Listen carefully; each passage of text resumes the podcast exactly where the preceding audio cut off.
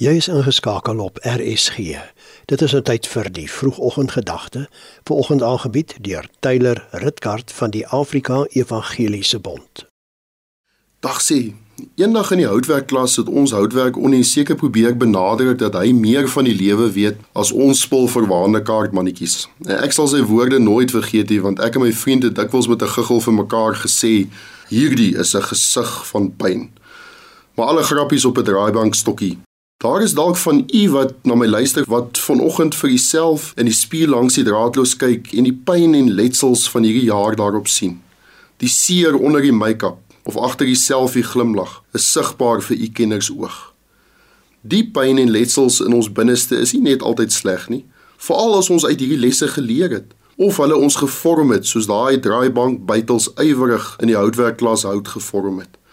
Ons lees kosbare verse in Deuteronomium 8 en vers 2 sê en jy moet dink aan die hele pad waar langs die Here jou God jou nou 40 jaar lank in die woestyn gelei het tot jou verootmoediging en beproewing om te weet wat in jou hart is of jy sy gebooie sal hou of nie.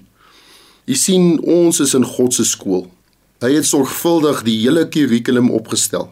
Besluit in watter klas ons moet wees en watter instrument voor die swartbord gaan staan. En hierdie skool is nie net 12 jaar nie. Nee, dit duur so lank as wat nodig is.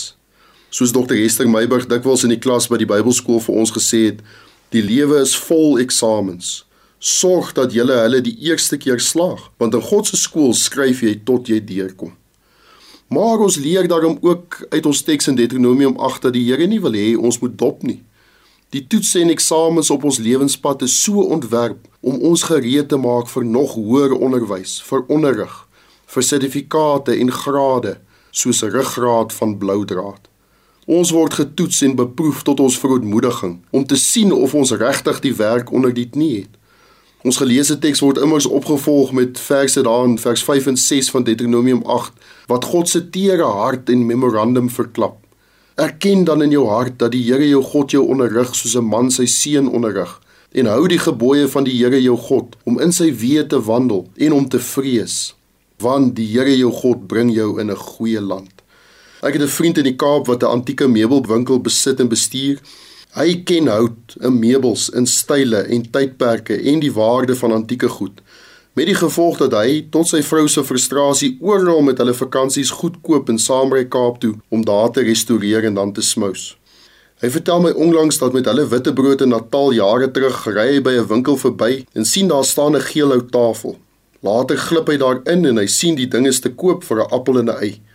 Hy koop hom daar en dan want hy het besef hulle het geen idee wat sy waarde is nie. Hy leen hulle boor en hy boor die dels uit Die enigste probleem is dat hulle met 'n baie klein sedan motortjie daar was, maar dit het hom nie gestuit nie. Waar daar 'n plek was, was 'n plank. En terug in die Kaap 'n reuse wins. Aan die einde van hierdie jaar moet elke plankie van elke les in ons boeksak gepak word en saamgeneem word. Dis baie waardevol. En jy moet dink aan die hele pad waar langs die Here jou God jou nou 40 jaar lank of dan ten minste hierdie jaar lank in die woestyn gelei het tot jou verootmoediging en beproewing om te weet wat in jou hart is of jy sy gebooie sal hou of nie. Kom ons kom die eksamens deur. Amen.